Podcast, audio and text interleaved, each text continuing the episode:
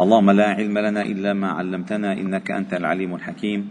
علمنا اللهم ما ينفعنا وانفعنا بما علمتنا وزدنا علما.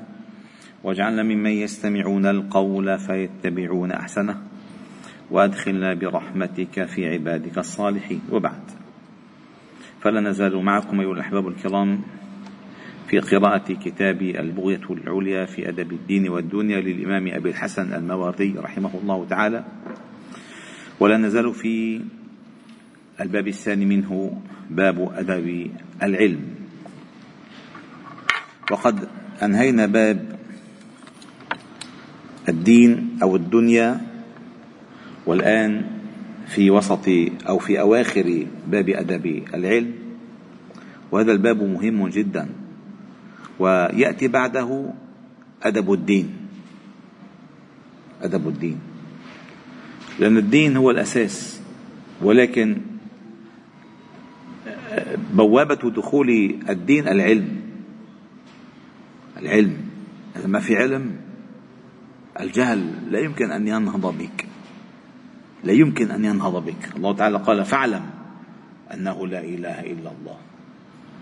إنما يخشى الله من عباده العلماء. يرفع الله الذين آمنوا منكم والذين أوتوا العلم درجات.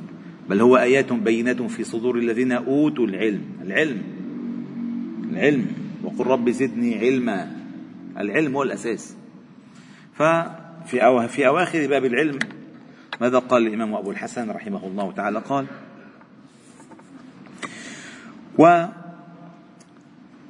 أما فضل ما بين العلم والعبادة إذا لم يخل بواجب ولم يقصر في فرض فقد روي عن النبي صلى الله عليه وسلم أنه قال وهو حديث ضعيف يبعث العالم والعابد فيقال للعابد ادخل الجنة ويقال للعالم اتئد حتى تشفع للناس.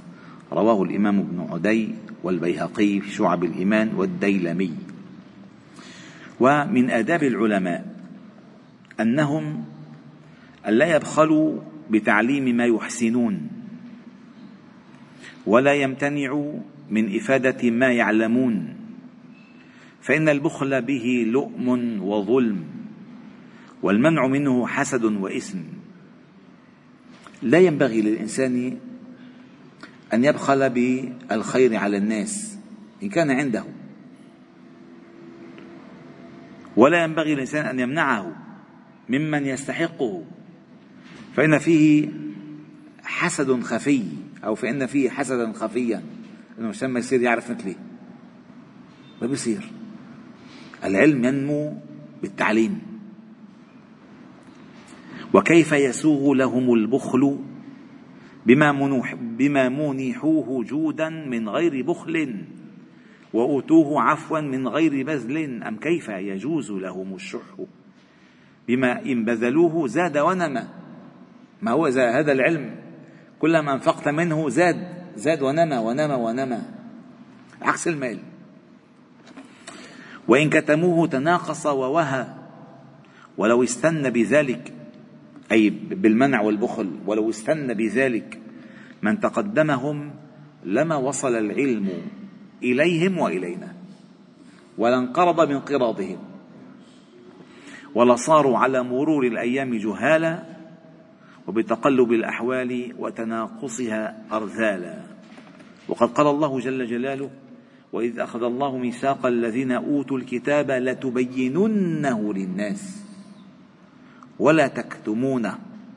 وهذا اللفظ مهم جدا.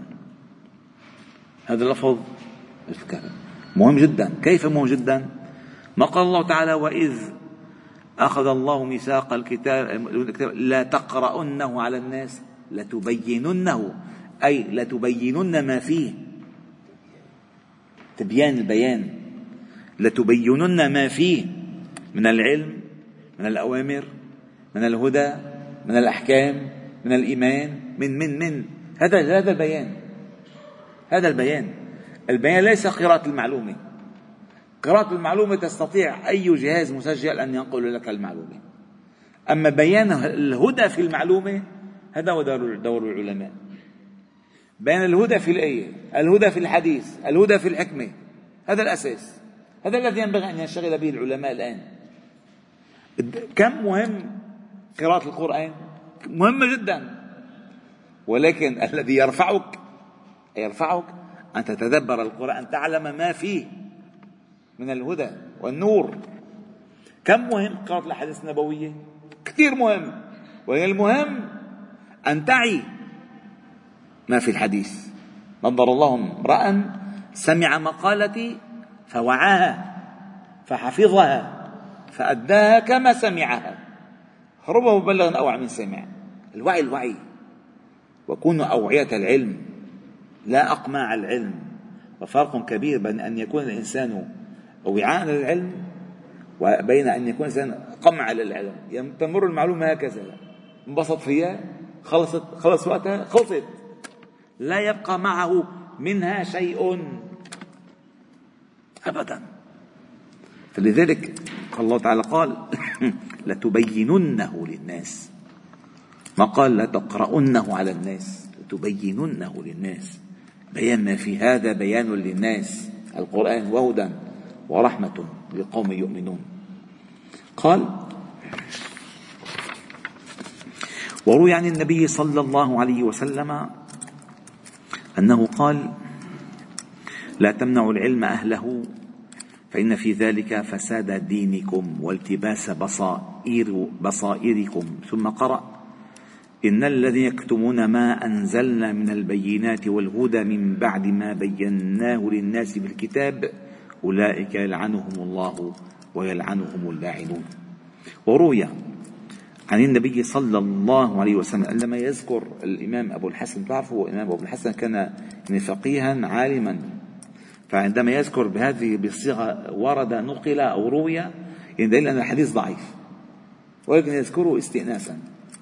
وروي عن النبي صلى الله عليه وسلم أنه قال من كتم علما يحسنه ألجمه الله يوم القيامة بلجام من نار. يا لطيف. فعلا. وحتى ورد في صحيح البخاري آه، أثر عن الإمام عمر بن عبد العزيز. قال لن يهلك العلم العلم حتى يكون سرا. بروح.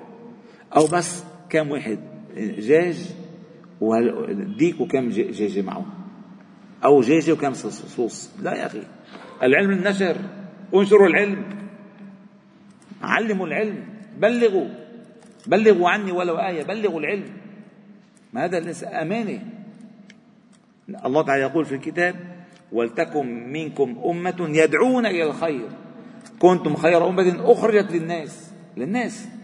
فلتخرج هذه المعلومات التي فيها هدى إلى الناس جميعا. إحنا ما عندنا آه، علوم باطنية ما لا نطلع على العوام. خذ العلم كله والله يفتح عليك. فقال وروي عن علي بن أبي طالب رضي الله تعالى عنه أنه قال ما أخذ الله العهد على أهل الجهل أن يتعلموا حتى أخذ على أهل العلم العهد أن يعلموا. لأن إذا أخذ العهد على الجهال يتعلموا. مين بده يعلمون؟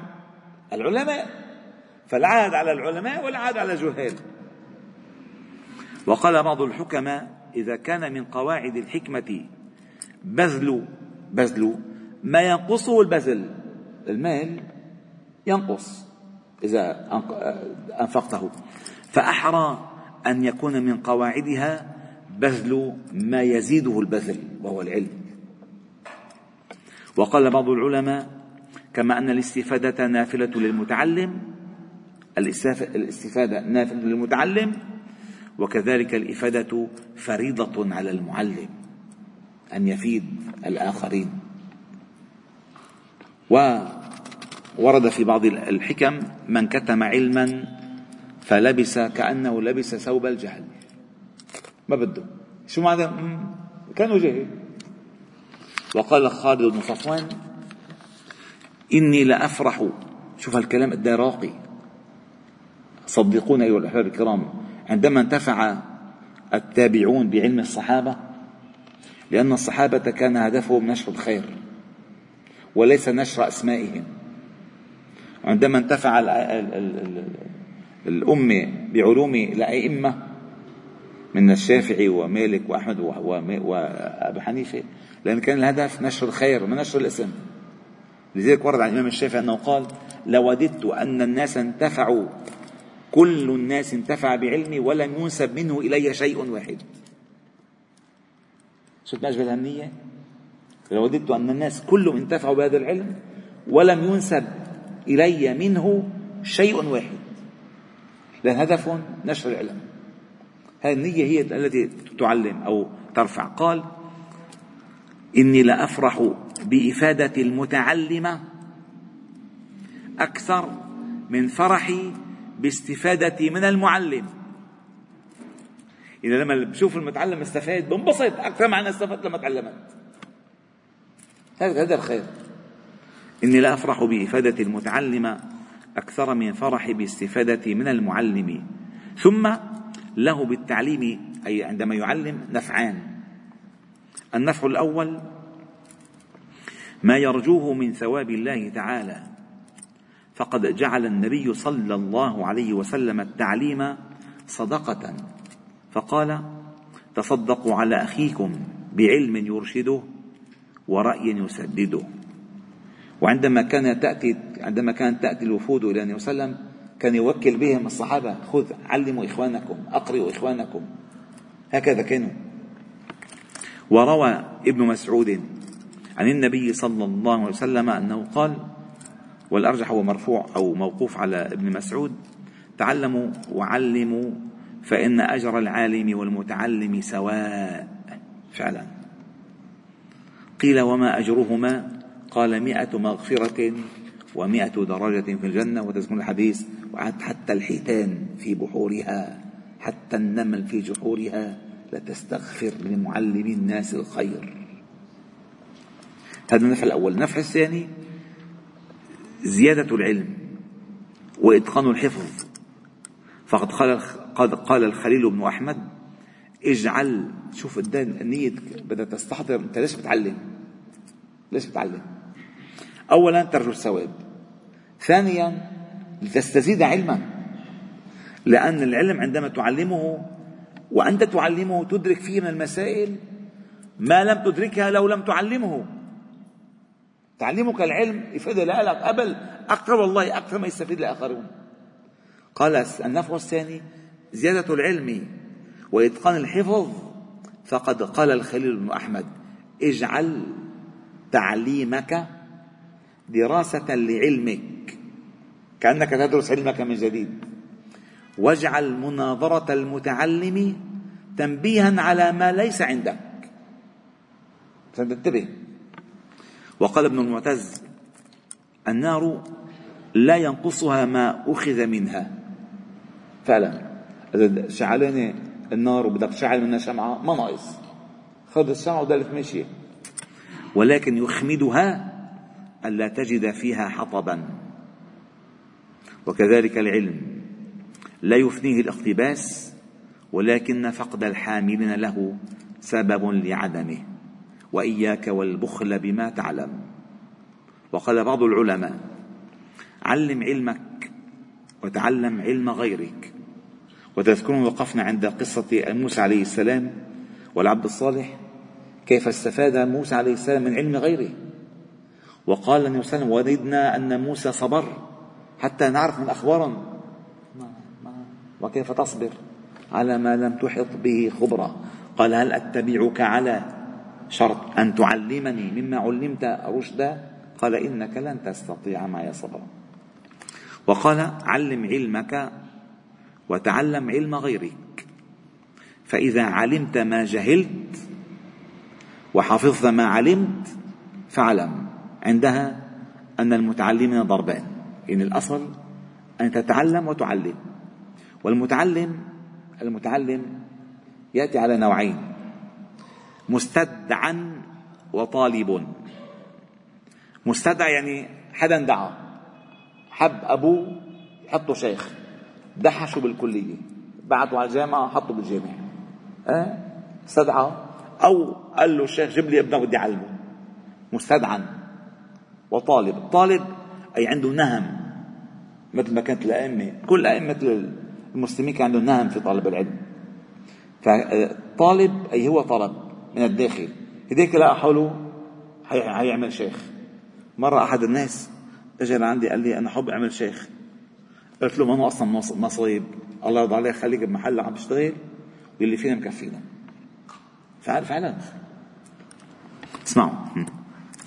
قال فأما المستدعى إلى العلم فهو من استدعاه العالم إلى التعليم لما ظهر له من جودة ذكائه وبان له من قوة خاطره. فإذا وافق استدعاء العالم شهوة المتعلم كانت نتيجتها درك النجباء وظفر السعداء لأن العالم باستدعائه متوفر والمتعلم بشهوته مستكثر. يعني مثل زيت على زيتون شاف فيه قال له تعال بدي أعلمك تعال بدي استدعاه استدعاه وأما طالب العلم لداع يدعوه وباعث يحدوه فإن كان الداعي دينيا يعني حب طلب العلم فريضة راح بده يطلب العلم. فإن كان الداعي دينيا وكان المتعلم فطنا ذكيا وجب على العالم أن يكون عليه مقبلا وعلى تعليمه متوفرا لا يخفي عليه مكنونا ولا يطوي عنه محزو مخزونا. وإن كان بليدا بعيد الفطنة فينبغي ألا يمنع منه اليسير فيحرم. ولا يحمل عليه بالكثير فيظلم. ما يحمل واحد هلا هلا يسوع اجا أول ما تعلم حفظوا التحفة. لقى ملكلك.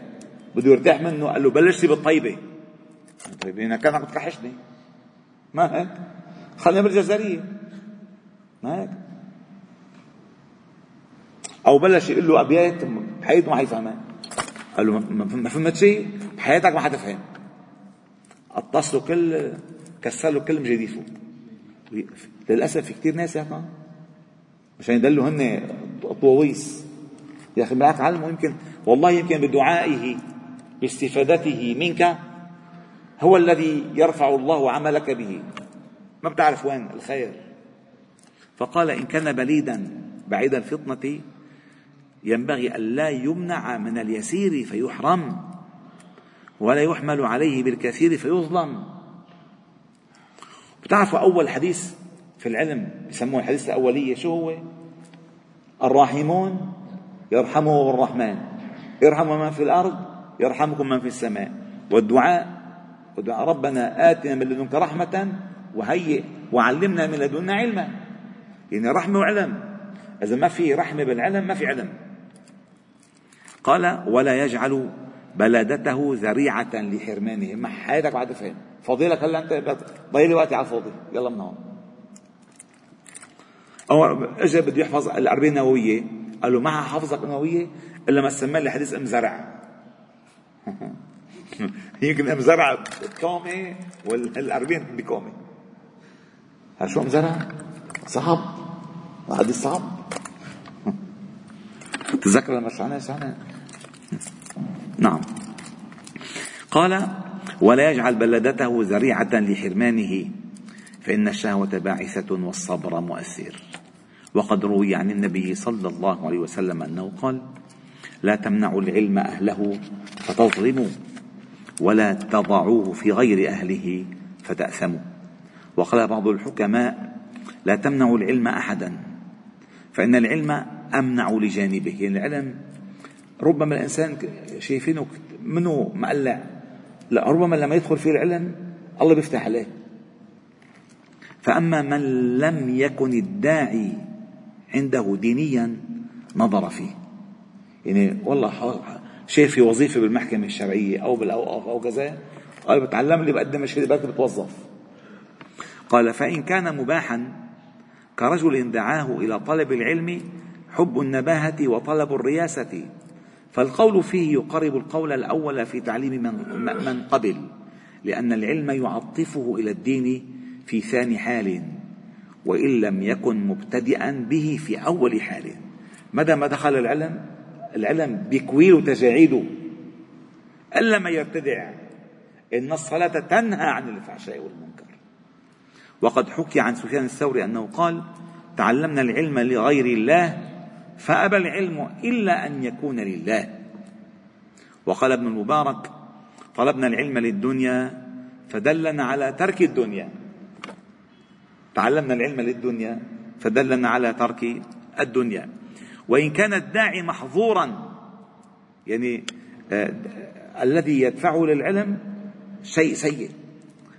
كرجل دعاه إلى طلب العلم شر كامن ومكر باطن عشان يلبس على الناس الدين.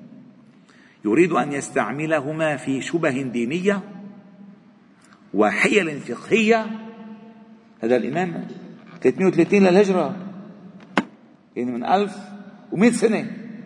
عم يحكينا. 1100 سنة عم يحكي. يعني إذا دائما أبو عماد دائما بالعلم الشرعي لازم يكون في سنة تمهيدية. قبل ما نفوتوا على العلم مشان نزينه هلا يؤهل يحمل العلم؟ ومختبره فقال يريد أن يستعملهما في شبه دينية وحيل فقهية.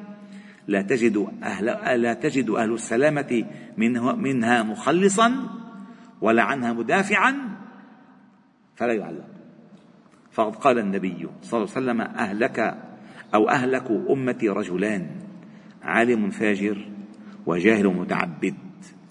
وقيل يا رسول الله أي الناس أشر؟ قال العلماء إذا فسدوا. واتلوا عليهم واتلوا عليهم. نبأ الذي آتيناه آياتنا فانسلخ منها فأتبعه الشيطان فكان من الغاوين ولو شئنا لرفعناه بها ولكنه أخلد إلى الأرض واتبع هواه فمثله كمثل الكلب.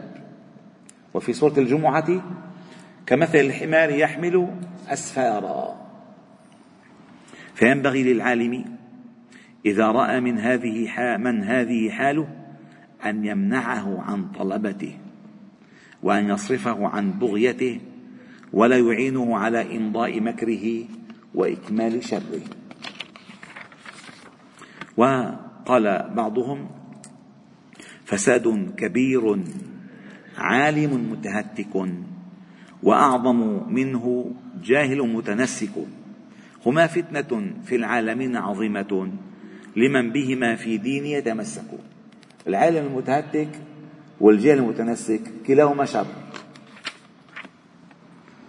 وروى أنس بن مالك قال واضع العلم في غير أهله كمقلد الخنازير اللؤلؤ والجوهر والذهب. وقال عيسى بن مريم عليه وعن النبي السلام لا تلقوا الجوهر للخنزير فالعلم أفضل من اللؤلؤ ومن لا يستحقه شر من الخنزير. وحكي أن تلميذا سأل عالما عن بعض العلوم فلم يفده فقيل له لم منعته؟ قال لكل تربة غرس ولكل بناء أس. ما شفت فيه؟ بنية تحتية ولا شفت تربته بتنبت وقال بعض البلغاء لكل ثوب لابس يعني يقيسوا ولكل علم قابس يقتبس منه. وقال بعض الأدباء إرثي إرثي يعني آه، آه، نعنعية. إرثي لروضة توسطها خنزير وابكي لعلم هواه شرير. بيطلعوا لك على الفضائيات بيحطوا تحت يافطات. المفكر الإسلامي البروفيسور الخبير بالحركات الإسلامية الخبير بالفقه كذا والله من يومين من يومين. والله سمعت كلام من واحد حط لا مشهور. قال لا الفوائد حاجة والربا حاجة تانية. الفوائد مش حرام الربا حرام. الفوائد لا. إذا إذا الفائدة من الربا شو هي الربا؟ شو هي الربا؟ لا إله إلا الله. شيخ ومشهور. لا إله إلا الله. بس بغطوا في قضية. عالم شرير. والحمد لله رب العالمين. سبحانه وبحمدك أشهد أن لا إله إلا أنت. نستغفر ونتوب إليك. وصلي وسلم وبارك على محمد وعلى آله وأصحابه أجمعين. والحمد لله رب العالمين.